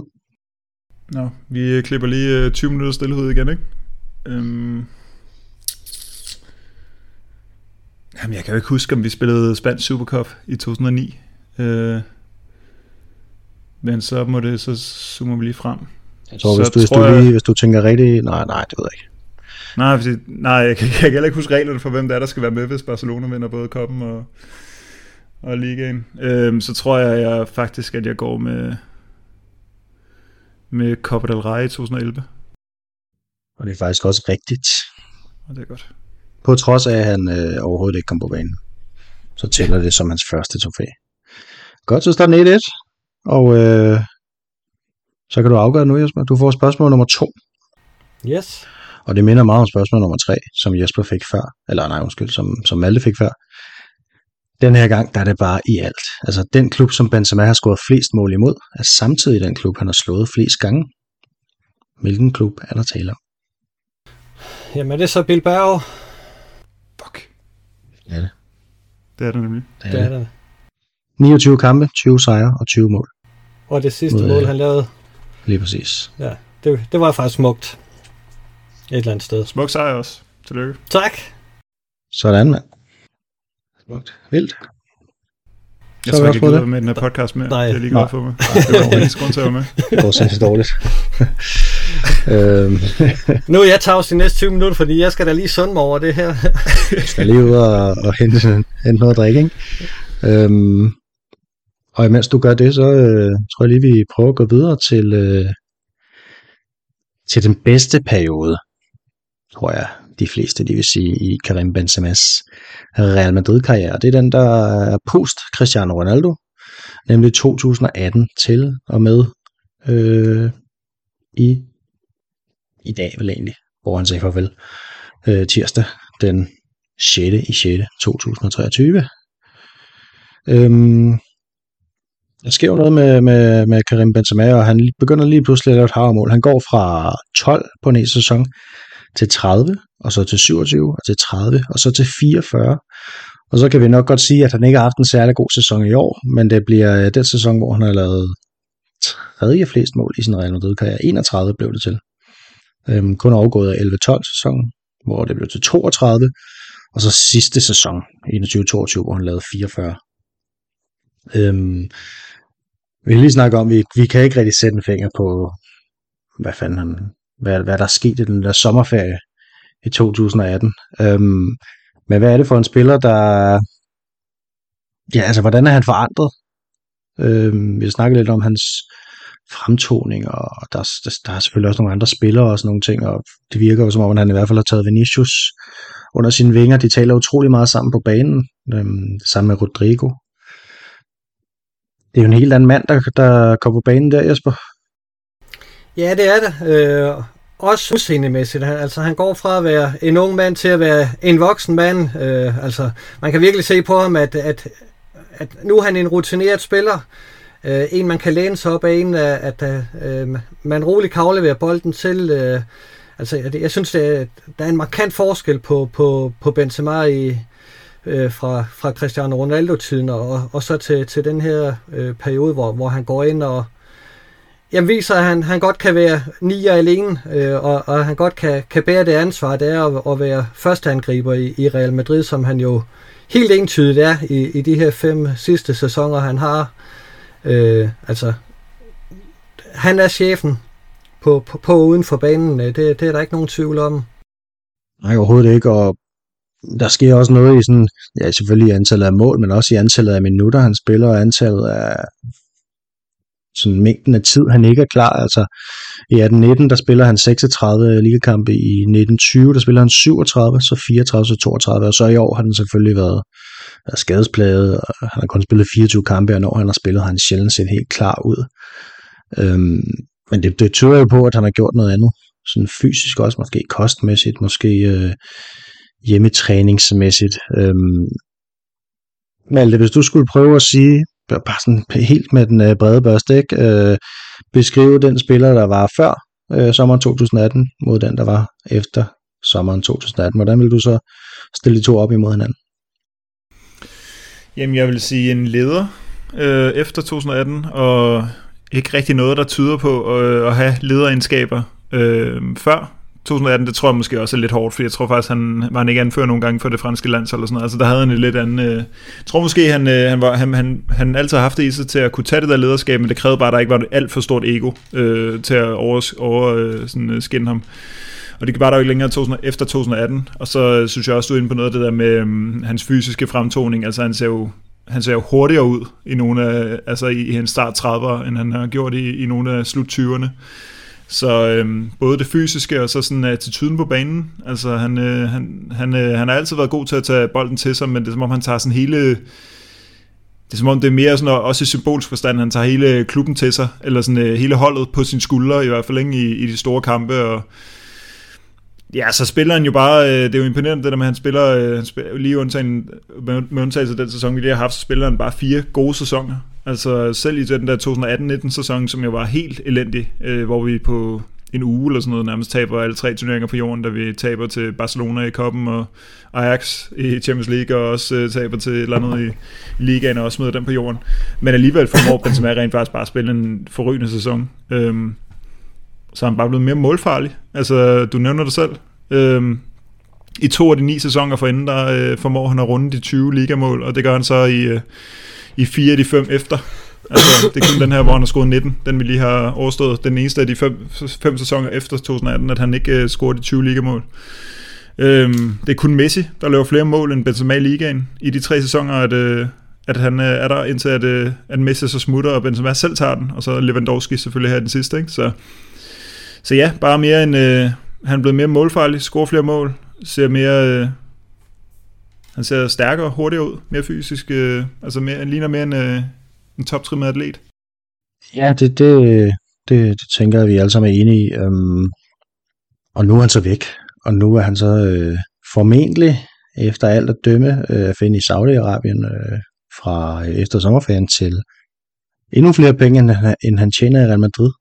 Øhm, Hvordan ser I sådan hans, øh, hans eftermæle i, i klubben? Altså vi har jo talt, når vi taler eftermæle, så taler vi jo øh, ofte øh, om det, i, når vi tager afskedspodcast med spillere, der er afdøde, altså med øh, Paco Hento eller Amancio og sådan nogle ting. Øhm, når vi nu sidder her om 20 år og skal tale om Karim Benzema, hvad, hvad kommer du så til at, at fremhæve, Jesper? Jamen, så kommer jeg til at fremhæve, at, øh, at når man igennem 14 sæsoner er stort set er decideret førstevalg hele tiden, så er man jo automatisk øh, sikkert en plads blandt de allerbedste, fordi du overlever øh, ikke så længe som Real Madrid-angriber, hvis ikke du er noget, noget helt specielt, og, og det har Benzema været øh, selvfølgelig i særlig grad øh, i de senere år, hvor han har, har lavet de mål, han er blevet, før blevet kritiseret for ikke at have lavet. Øh, jeg tror, der, der er flere, der... Altså det synes jeg, man har kunne mærke på vores forum også, at der er flere og flere, der har accepteret øh, Benzema, altså hvor der førhen var, var meget kritik af ham, så er det stort set forstumt, og alle kan godt se, at, at han, han var, er blevet noget specielt i, i klubbens historie. Og jeg tror også, det er det her med, at man førhen har været, været vant til, at, at Real Madrid's lige, det var i går som bare en, der skulle lave mål. Øh, men, men nu fik man så den her opspilstation, den her, øh, ja, spansk pres kalder ham Nian, der også var en tiger, øh, som, som gik med i det opbyggende spiller, som ikke var blege for at bevæge sig væk fra strafsparksfeltet for at gå ned i banen og, og hjælpe med at at bygge spillet op øh, på, på en elegant og meget visionær måde også, jo, fordi det var ikke øh, bare ned og, og spille bolden videre. Altså han gjorde noget, noget rigtig fornuftigt med bolden også, når, når han havde den nede midt på banen. Øh. Og det tror jeg måske lidt, det også bliver hans kors, øh, at der gør, at han kommer til at sidde lidt mellem, mellem to stole, at man både skal vente sig til, at han var den her tiger, øh, selvom han havde øh, trøje nummer 9. Øh, det er i hvert fald min, min fornemmelse, at, at, at det måske kan dele... Øh, vandene lidt omkring ham, at, at han ikke bare var den her typiske nier, men, men han var så meget mere. Lige, lige præcis. Altså, jeg er en 9,5, kan man kalde ham, eller en, en, en, en 9, der var en 10, som du siger. Øhm, Malte, hvad vil du huske ham på? Ja, og vi skal ikke til at arrangere ham endnu, det, det gør vi senere, men sådan, ja, hvad, hvad er sådan de overordnede ord på Benzema? Jamen, øh, en angriber, der er en rigtig dygtig fodboldspiller, udover at være en angriber. Altså, øh, ligesom Jesper siger, han, er, han var elegant, teknisk øh, fantastisk. Øh, en angriber, der kunne meget mere end, øh, end at kunne øh, score og assistere, men også øh, deltog på mange andre måder i spillet, og så øh, var han en af de spillere, der formåede at genopfinde sig selv, ligesom øh, Cristiano Ronaldo gjorde det, og jeg synes også, Kroos har gjort det i den her sæson, så det synes jeg også, han har fået lagt på. Jeg nævnte det før, med, øhm, med sæsonerne her, 18-23, at han var blevet mere en leder på banen. Altså de ledere, der har været før ham, øh, i min tid, sådan noget Fernando Hierro og Raul og, og, og måske især øh, Sergio Ramos, de har været nogle, øh, nogle anderledes ledere i hvert fald. Øhm, hvordan, øh, hvordan så hvordan øh, så du, øh, Malte, vi starter med dig, hvordan så du øh, Benzema som leder og anfører for Real Madrid? Altså han var jo anfører den sidste sæson, men han var det jo også reelt sæson før, ikke fordi Marcelo ikke spillede. Ja, præcis. Han har jo nærmest haft to sæsoner, hvor man reelt set har set ham som sådan en rigtig fuldblods anfører, ikke? Jamen, altså, han har jo mest været anfører på banen. Altså, jeg kan huske øh, den der første sæson, eller den eneste sæson, Marcelo fik lov til officielt at være anfører, fordi Ramos smuttede der var han ligesom ude i optagssæsonen og lavede sådan et stort interview, og nu skulle han snakke om, uh, som holdet, så om, hvad målsætningerne var og sådan noget. Og hvor det føles en lille smule øh, sådan, uh, mast ind, altså fordi der, alle ved godt, at Marcelo kommer ikke til at være i nærheden af spilletid, så det er fint nok, at han sidder der og snakker om, hvordan hele holdet skal gøre alt muligt, uh, når han ikke selv kommer til at være en del af det overhovedet, ikke? men... Uh, men uh, men det, ikke engang det har Benzema jo sådan rigtig gjort. Altså han har ikke fyldt så meget i medierne, han har ikke været ude og sådan rigtig altså fylde så meget som den der anfører, synes jeg. Det, det har helt klart været på banen, at man har set det, altså med sine mål og sin... Øh, ja, sin, sin, som holdets ryggrad, ikke? En, øh, en, en, en, både en anfører, en spiller og en, en, øh, en målscorer, som, øh, som holdet kunne stole på. Så, så altså, hvis man skal definere ham som anfører, så må det være noget med, at han var en leder på banen, ikke? men øh, sådan det der, som Ancelotti også har snakket om mange gange, han er jo, altså, og, og andre før det også, altså at han er en genert fyr, en sky, type, øh, og det tror jeg måske øh, gør, at, øh, at derfor så så vi ham mere i, altså vise, vise sit værd med fødderne, i stedet for at, at udtale alt muligt i pressen og forholde sig til alt muligt politisk omkring klubben, som, øh, som det jo har sømmet sig for andre anfører tidligere, så på den måde var han jo ikke øh, den samme type anfører som nogle af de tidligere spanier. Jeg tror jo ikke, øh, var det ikke Marcelo, var han ikke den første anfører, som ikke var spanier i Real Madrid? Siden et eller andet 1900, et eller andet vildt tidligt. Øh, og Benzema, han må så have været den næste. så, at, så det er heller ikke, fordi det er så nyt. Øh, eller, eller det er ret nyt, det der med, at det er at anførende i, i Madrid ikke er sådan øh, spanier og sådan er en fuldstændig integreret del af kulturen og sådan noget. Jeg ved ikke, om det måske også har, har noget at sige. Nej, altså hvis man tager Sergio Ramos, så var han, han er jo ærkespanier, ikke? Han, øh, han, han øh, repræsenterer virkelig øh, Kastilien, selvom han, han ikke er derfra. Men Jesper, øh, hvis vi skal lave noget ordentligt podcast her, så bliver vi jo også nødt til at tage fat i det, som måske kan være kritik, kritikpunkt af hans, af hans lederevner, eller hvad man kan sige, fordi der har været i, især i denne sæson, har der været rigtig meget omkring øh, Vinicius, Øhm, og her til sidst tog det jo fuldstændig overhånd, og så var der øh, også et nederlag til Manchester City, hvor man fik en ordentlig røvfuld, hvor, hvor Benzema ikke mødte op på Bernabeu kampen efter til at præsentere øh, øh, Copa del, øh, del Rey, triumfen, eller pokalen.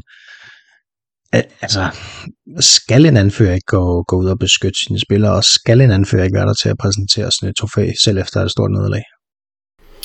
Jo, måske i virkeligheden især det, det sidste, øh, fordi øh, jeg tror, øh, Benzema som leder, han er, han er nok mere den, den stille leder og mere øh, leder øh, i forhold til at være sådan øh, en mentortype, altså spilleren, der, der støtter spillerne og giver gode råd uden for banen og på, på træningsbanen, øh, eller træningsanlægget i Valdebebas, øh, så, så man opdager måske ikke sådan direkte hans, hans lederevner, øh, fordi de kommer ikke sådan til udtryk øh, øh, på pressekonferencer med, med store båltaler osv., som, som nogle af de andre anfører har, har gjort.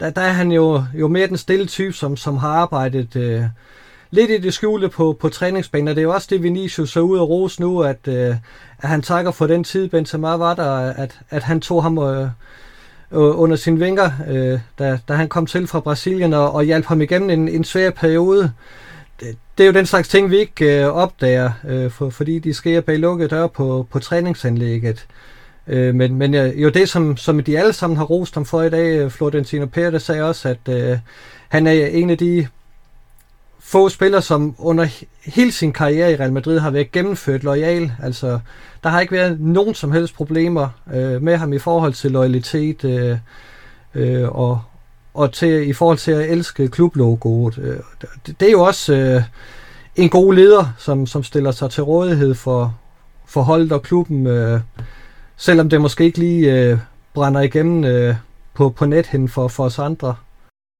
Lige præcis, og jeg tror heller ikke, at man skal være i tvivl om, hvorvidt at, at øh, Benzema har vist sin støtte til, til Vinicius i alt det her, når man, øh, når man ser på al den kærlighed, som, som han har til ham. Det tænker jeg ikke, han har haft, hvis, hvis han havde forsøgt ham i hvert fald. Nej, nej, og, og det er jo netop også det der med, hvis vi, hvis vi lige skal vende tilbage til den udtalelse, han havde til Ferlang Mandi med, at han ikke skulle, skulle spille Vinicius i den kamp, hvor, hvor de var fuldstændig på ren, og, og hvor Vinicius gjorde, ja, han spillede ikke, skal vi være venlige at sige, at Vinicius spillede ikke nogen gode kamp. Øh, det blev betragtet som, øh, lad nu være at spille øh, den håbløse boldmongol, fordi han kan ikke noget som helst, og jeg, jeg tror mere, det skal ses som, beskyt nu Vinicius, lad være at give ham bolden i nogle mulige situationer, hvor han kommer til at se dum ud. Jeg tror altså mere, det er den vej rundt, at, at det skulle tolkes. Øh, øh, og det kan godt være, at det er mig, der holder hånden over, over Benzema, men, men der var jo ikke øh, ballade internt, øh, øh, eller nogen øh, mistanke om, at, at Vinicius og Benzema havde det dårligt indbyrdes. Altså det var sådan noget, der blev skrevet lidt op i, i spansk pres, øh, og når man ser de udtalelser, Vinicius siden er kommet med i forhold til Benzema, så, så virker det som om, at, øh, at det faktisk var for at hjælpe Vinicius lidt af, han sagde, prøv nu at lade være at give Vinicius bolden i de her situationer, hvor, hvor han, han ikke øh, kan komme afsted med den. Ja, han, øh, han træffer nogle dårlige valg. Ja, eller, ja lige præcis. Giv, giv, giv mig bolden i stedet ja. for, ikke? Jeg skal, jeg skal nok finde på ja. et eller andet. Ligesom øh, Michael Laudrup sagde i gamle dage, hvis du er i tvivl, så bare spil mig, og Zidane også sagde til Graversen og så videre. Ja. Øhm, hvad, altså, hvad for en ledertype foretrækker I egentlig? Hvad tænker I om den, den, den næste leder i Real Madrid? Hvad skal det være? Vi ved jo godt, hvem det bliver som sådan, i hvert fald på banen. Øhm, foretrækker I en sådan en uh, Fernando Hierro, uh, Sergio Ramos type, eller, eller må det gerne være lidt mere den, den tavse Benzema type? Hvad, hvad synes I fungerer bedst for Real Madrid? Ah, det vil være tavligt ikke at sige, at det fungerede godt med Ramos som anfører, synes jeg. Jeg tror, øh, det har noget, altså det, hvis man, siger det, hvis man ser det isoleret set, så vil det måske være godt for Real Madrid at have sådan en, øh, en type, der er en lille smule mindre øh, kontroversiel og udadreagerende end, end Sergio Ramos. Men, men personligt så var jeg vild med Sergio Ramos som, som anfører. Altså han gik jo igennem ild og vand for sine spillere. Altså det er sådan det her med, når man tænker på Vinicius og de ting, han har gået igennem. Altså hvis Ramos har stået på den bane der, man kan jo huske nogle af de der hvad er det Farley, han hed ham for Cardiff, som den kæmpe store øh, centerforsvar, eller jeg tror faktisk, det var en anden stor centerforsvar, der hed Sydney, øh, fra en anden, øh, jeg kan ikke huske præcis, ja, hvor han, han spillede. Blev, han blev skubbet en goal.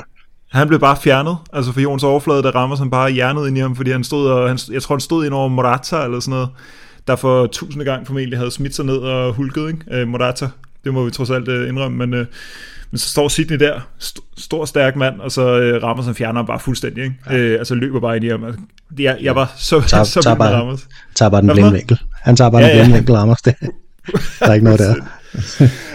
han har ikke set ham komme. Det, det synes jeg var for fedt. Øh, eller ikke lige præcis det, men, men sådan, altså signalet i, at han bare er der, altså som en høg, når der er en, øh, en medspiller, der er i, øh, der er i knibe, ikke? Øh, og det, det, det kunne jeg godt mangle for Benzema, men, øh, men altså, det kan også godt være dårligt for, for sådan klubbens omdømme, hvis, øh, hvis øh, ens anfører har lidt for meget øh, ego og lidt for meget, øh, der var også det her med, at man skulle sparke straffesparken og sådan noget rammer, ikke? Altså, der var sådan, der var sådan nogle lidt sjove ting, øhm, så det er nok en god blanding, men jeg tendenserer nok mod, øh, mod trods alt den der lidt mere fremadstormende brystkassen frem, øh, tager det hele på sig øh, type leder der, som jeg, som jeg trods alt synes rammer var.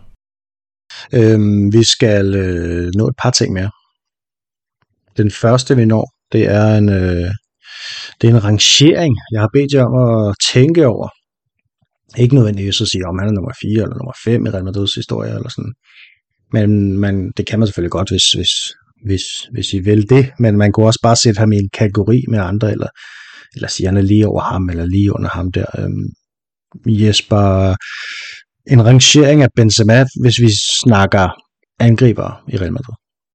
Jamen, jeg, jeg, jeg er en af dem, som, som godt kan øh, måske lidt følge det der, at han var jo ikke en decideret nier. Øh, altså, han, han var også den der tiger, og, og da jeg sad og skulle rangere ham i dag, så, så kom jeg til at tænke på, på deciderede angriber, angriber som øh, der var Zucker, Ivan Zamorano og Hugo Sanchez, som, som jeg også bare gerne øh, ville have ind på holdet. Øh, øh men, men når man så ser deres impact i, i forhold til, hvad Benzema havde, øh, når man ser den fulde pakke, så, så blegner de jo lidt i forhold til, til vores kære franskmænd her.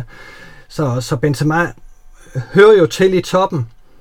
Øh, men jeg har svært ved øh, sådan lige at sætte ham ind på, hvis man skulle lave et All-Star-hold, så siger jeg, at øh, Benzema skal være nier. Øh, det, det må jeg nok erkende. Der, der har jeg nogle, nogle andre kandidater, som også godt kunne komme i spil. Øh, også nogen, som har haft øh, en karriere, som, som på ingen måde er, er så prangende som, som Benzema's, men, men simpelthen fordi de var rendyrkede målmaskiner.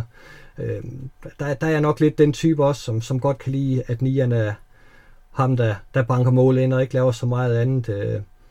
Men, men altså, jeg, jeg kan jo ikke komme udenom om, om Benzema som en af, af de helt, helt store i Real Madrids historie. Det, det ville være det ville jo være klar til indlæggelse, hvis jeg påstod, at han, han bare var en almindelig spiller. Altså, han kan være svær at sammenligne med, med Hugo Sanchez, der lavede 38 mål på 38 berøringer i hvert fald, ikke? Ja. Altså, øh, vi får lige at stille det lidt skarpt op, altså at ja, tabins, eller hvad vi kalder det. Øh, Valde, hvad tænker du? Jamen, jeg tænker, det, det er efterhånden svært at komme udenom øh, Benzema som, øh, som helt oppe i toppen af, af Real Madrids historie, fordi simpelthen på grund af, at når du er så langt, fordi man kan sige, det, det, det her med Benzema, jamen hvis han var stoppet i 2018, så havde han jo ikke været der. Altså, så, så havde han ikke været, heller ikke med de spillere, du nævnte der, Jesper, synes jeg. Altså, så kunne man ikke rigtig, fordi du kan ikke bare være der i mange sæsoner og spille mange kampe, og så score mange mål, fordi der var rigtig gode spillere omkring dig. Men når man ser på helhedsindtrykket, Altså, så, så er han jo bare kommet op i toppen af så mange forskellige lister. Han har haft så mange sæsoner i klubben. Han har også formået at være anfører. Han har vundet trofæer til klubben. Han har bogstaveligt talt vundet flest trofæer af alle, kun øh, udlignet med Marcelo. Så kan man sige, jeg tror, vi vil kunne finde mange, faktisk forholdsvis mange, anfører, eller mange angriber i Real Madrids historie, hvor man kan snakke sådan om det der rene killerinstinkt. Altså det synes jeg stadig, at man kan sige, at Higuain havde meget med af. Det synes jeg faktisk ikke er nogen specielt kontroversiel øh, udtalelse i og med, at han gik hen og smadrede øh, CA fuldstændig for Napoli med 36 mål eller sådan noget. Øh, bare, drev, øh, eller bare drev det hold der. Men Higuain er jo ikke en lige så stor angriber som Benzema. Øh, og slet ikke i, i Real Madrids historie. Altså han brændte ud, ikke? Higuain tidligt også. Altså han var jo allerede... Øh, der var allerede noget body shaming i gang, da han rendte rundt over i øh, Juventus i nogle af de der første sæsoner, efter han skiftede fra Napoli. Øh, så, så Benzema, hvis man måler det på ren killerinstinkt, ja, så er han ikke øh, Real Madrids største angriber, men det, der er bare så meget mere i Benzema, og han var så god en fodboldspiller, og han har vundet så mange trofæer, og han har spillet så mange kampe, og han, han har været i så mange forskellige æraer, han har gjort, øh, altså mange øh, giver ham kredit for, hvor god øh, Ronaldo var i klubben. Jeg vil nok stadig være den øh, overbevisning, at Ronaldo havde nok ikke, øh, altså han havde nok bare fundet en anden måde at score øh, milliardmål på, ligesom han har gjort i hele sin karriere, eller i hvert fald siden han blev en rigtig målscorer, ikke? Øh, min store sådan, sammenligning, det har jo, det har jo været øh, Ferenc Puskas, hvis vi skulle sammenligne sådan, øh, angrebsmæssigt. Fordi Puskas han var jo bare altså, lavet til at lave mål. Men man kan sige, Puskas, han, øh, hvis man kigger på hans sæson, han spillede 8 sæsoner for Real Madrid. Det er jo øh, væsentligt færre end, øh, end Benzema i sig selv. Men man kan så også sige, at Puskas spiller kun sådan reelt set seks sæsoner, i, i og med de sidste to sæsoner, der er der altså ikke øh, specielt mange kampe, og derfor heller ikke specielt mange mål. Så hvis vi siger, at Puskas spiller seks sæsoner, og han skulle være Real Madrids bedste angriber, og Benzema har spillet dobbelt så mange sæsoner, alle sammen på topplan. Øh, og i øvrigt har vundet mere end, øh, han har faktisk vundet halvanden gang så mange som øh, trofæer som Puskas. Øh, eller to, to og en halv gang så mange er det så. Han har vundet 25, og Puskas har vundet 10. Så synes jeg bare efterhånden, det er svært at komme udenom øh, om Benzema, som, øh, altså, som Real Madrid's historien bedste, bedste angriber. Øh, på godt og ondt, hvis man tager det hele med. Altså også når han er i toppen af så mange forskellige lister. Så jeg tror egentlig, jeg er inde på, at, øh, ikke, ikke sådan øh, af alle spillere naturligvis. Der er nogle øh, kæmpe navne, der er selvfølgelig også foran, øh, foran Benzema, og det her det kræver selvfølgelig også, at man frasorterer øh, en, øh, en type som Ronaldo, som der var en kant, og en type som Di Stefano, der kom længere tilbage på banen, og ikke nødvendigvis var en rendyrket angriber. Øh, så kan man altid øh, vurdere Raul og sådan noget. Øh, men jeg tror også, øh, den der 9-type der, og også øh, øh 13 ud af 14 sæsoner med nummer 9 på ryggen, så, øh, så tror jeg ender på, at øh, Benzema må være toppen sådan, øh, i angrebshierarkiet. Sidst, øh, måske sidste år, det kan jeg ikke huske, det tror jeg, der, øh, der lavede vi en top 20 over de bedste Real Madrid-spillere i historien. Der kom Karim Benzema som nummer 5, så hvis jeg husker. Øhm, er, er I også sådan, er I, er I, hvor er I på den? Fordi det er jo, det er jo sådan en, en demokratisk beslutning, det er ikke nødvendigvis Jespers beslutning, eller Maltes, eller min. Øhm, er I, er I helt deroppe, eller tænker I, at vi måske nok skal lidt længere ned, sådan når, nu, når vi er nået til slutningen? Ej, jeg tænker, det, det er det lav, at vi ligger. Altså, han, han er jo i hvert fald i top 10. Det, det, det synes jeg ikke, man kan, kan, kan komme uden om. Om det så lige skal være en femte plads, eller en fjerde plads, eller en sjette plads, øh, det, øh, det kan være dagsformen, der, der lige afgør det for os, hvem, er, hvem vi vælger. Øh, men jeg synes ikke, han, han, han er ikke historiens bedste Real Madrid-spiller. Det, det, øh, så højt har han ikke, men, men han er, han er i, i hvert fald i top 10, og jeg vil sandsynligvis også altid have ham i, i top 5. Det, det tror jeg. Øh, så så jeg, jeg tror faktisk, I, I har ramt meget godt plet med, med den der top 20-liste. Det, øh, hvis ikke I har fået ros herfra for det før, så får I det nu i hvert fald. Det, den er skide godt lavet. Jeg kan lige nævne, at de spillere, der kommer før ham, det er Cristiano Ronaldo, Alfredo Di Stefano, Raul og Sergio Ramos, altså som de eneste spillere i, i Real Madrid's historie. Hvad siger du, Malte? Jeg øh, kan ikke øh, placere Benzema foran nogle af de fire, du lige nævnte der, men jeg vil sige, med tiden øh, må jeg indrømme, at det, altså, han, er, han, er, han sidder mere solidt på den femte plads, end øh, han lige gjorde, da, da vi lavede listen. Jeg tror også, nogle spillere som Puskas og, og øh, Rento var nogle af dem, som jeg øh, havde op at vinde, i forhold til, om de var større øh, end Benzema eller ej. Men øh, jeg, tror, jeg tror, en femteplads det efterhånden, der vi lander med Benzema, det er også det her med Benzema. Altså, det er det der med, han er jo en af de spil, spillere på den, på, sådan, af, de bedste i Real Madrids historie, hvor det går så meget op og ned. Altså, hvordan kan det være dykke så langt ned, som det gør der i 2017-18-agtigt, og så stige så meget igen efter, ikke? Altså, øh, ja, vi har spillere som Casillas, der dykker, og så aldrig rigtig kommer op igen. Øh, vi har en, en Modric, som dykker i 2018, men han dykker jo ikke så meget, og i så lang tid, og, og så øh, mærkbart. Altså, han kom jo ligesom op igen, øh, Modric. Øh, og, og, og, og Marcelo er også en, et, et eksempel på en spiller, der bare sådan faldt, og så aldrig kom op igen. Men Benzema han fik bare genopfundet sig selv fuldstændig.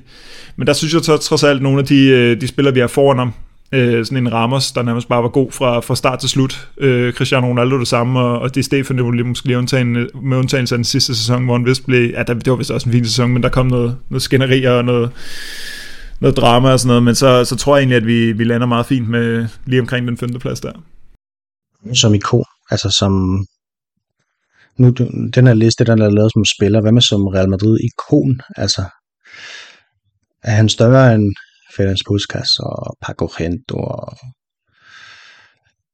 øh, Iker Casillas ligger også bag ham for eksempel, ikke? og Piri og Amancio og alle dem her. Der tror, jeg, han, der tror jeg, han har det lidt svært netop, fordi han var sådan en, en lidt øh, indesluttet type, og ikke øh, en derude med de store armbevægelser. Så på den måde kan han godt øh, falde lidt i, i den, øh, tror jeg.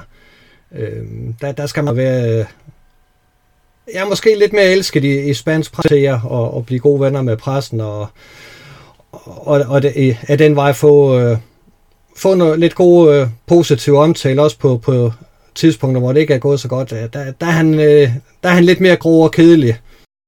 Ja, altså der, ja, der er jo det med Benzema. Man kan måske godt misforstå ham lidt som værende arrogant. Altså, jeg så en dokumentar med ham for lang tid siden, hvor han sagde, at han går sådan set ikke op i at få venner i fodbold. Vennerne har han fra sin barndom.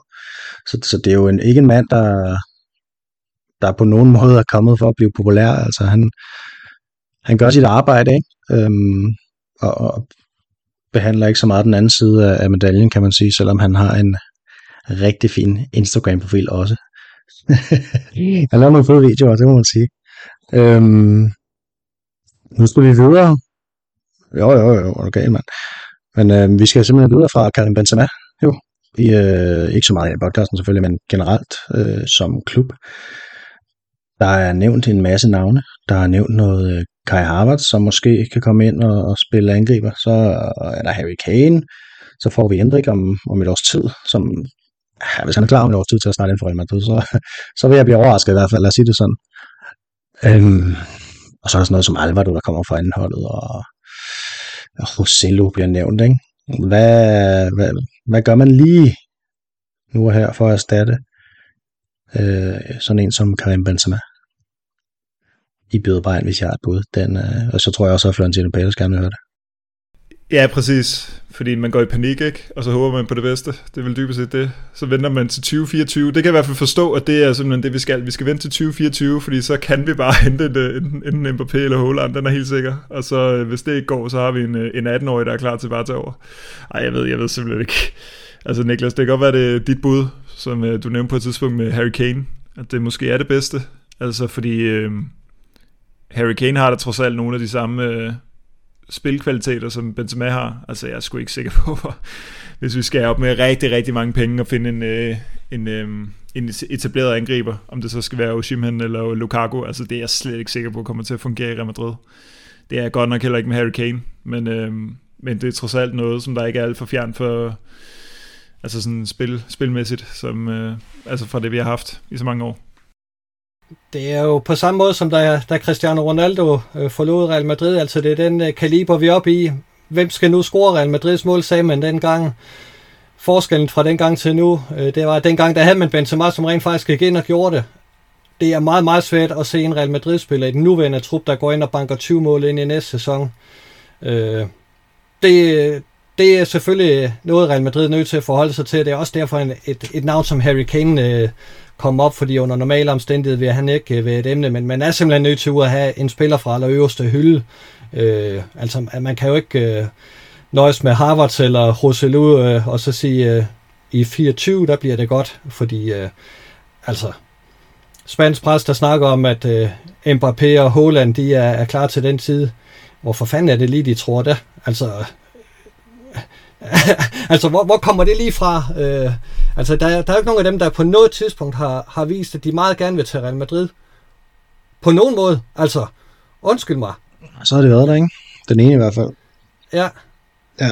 Så, øh, så, men, så glem nu de to navne, og, og, og så kom videre. Altså, jeg, vi, vi skal snakke øh, sæsonnedtakt, og vi skal snakke øh, den kommende sæson på et tidspunkt, og der, der, der kommer vi jo nok ind på de her emner her, men jeg synes Real Madrid har stået stamp længe og, og sagt, øh, om nogle år, så har vi Mbappé eller Haaland, øh, så, så nu skal vi ikke ud og lave et eller andet vildt. Altså, på et eller andet tidspunkt skal Real Madrid også videre. Øh, øh, så, så klubben igen bliver større end en enkelt spiller, som, som måske aldrig nogensinde kommer. Så, så, så ja, det, man er nødt til at gå ud og hente et navn som Harry Kane nu, eller i den kaliber. Gammel far talt. Sådan skal det være. Men det er, jo, altså det, er jo, det er jo også det, der er svaret på det spørgsmål, Niklas. Altså, fordi der er, jo, der er jo nogle gange, hvor at, at vi ligesom, altså vi har for eksempel spillet en hel sæson med kun én venstreback i truppen, altså i Fallermandi, ikke? Altså, øhm, det, der, der er nogle gange, hvor det er som om, man lidt, man lidt noise. Altså, og vi har også gjort det med højkanten i nogle sæsoner, hvor jamen, så er vi lidt noise med det, vi har, fordi så, så bliver der, kommer nogle spillere til at spille andre steder. Øhm, så har vi haft fem centerbacks, og så har vi haft en venstreback, og så har vi, så vi har haft øh, for få angriber og ikke nogen højkanter osv. Altså lige præcis på det her, det her eksempel, det er altså det er noget andet. Her skal der handles. Altså vi har simpelthen ikke, øh, altså vi har slet ikke råd til andet. Øh, det her det er ikke sådan en, øh, en lappeløsning, fordi øh, målene det er dem, der vinder fodboldkampen. Ikke? Ja, præcis. Det, det tænker jeg, at vi kommer til at snakke meget mere om øh, ja, senere på ugen, nogle af os. Måske endda allerede. Øhm, fra nu af, der, øh, eller for nu, der har jeg sådan set ikke mere omkring øh, Karim Benzema. Har I det? I vil indskyde eller andet? Nej, tak for alt. Det var, øh, det var en oplevelse med Benzema, ikke med jer to. Åh, oh, du fik det så. Nej, det var, hvad det var. ja, det er også rigtigt. Det er rigtigt.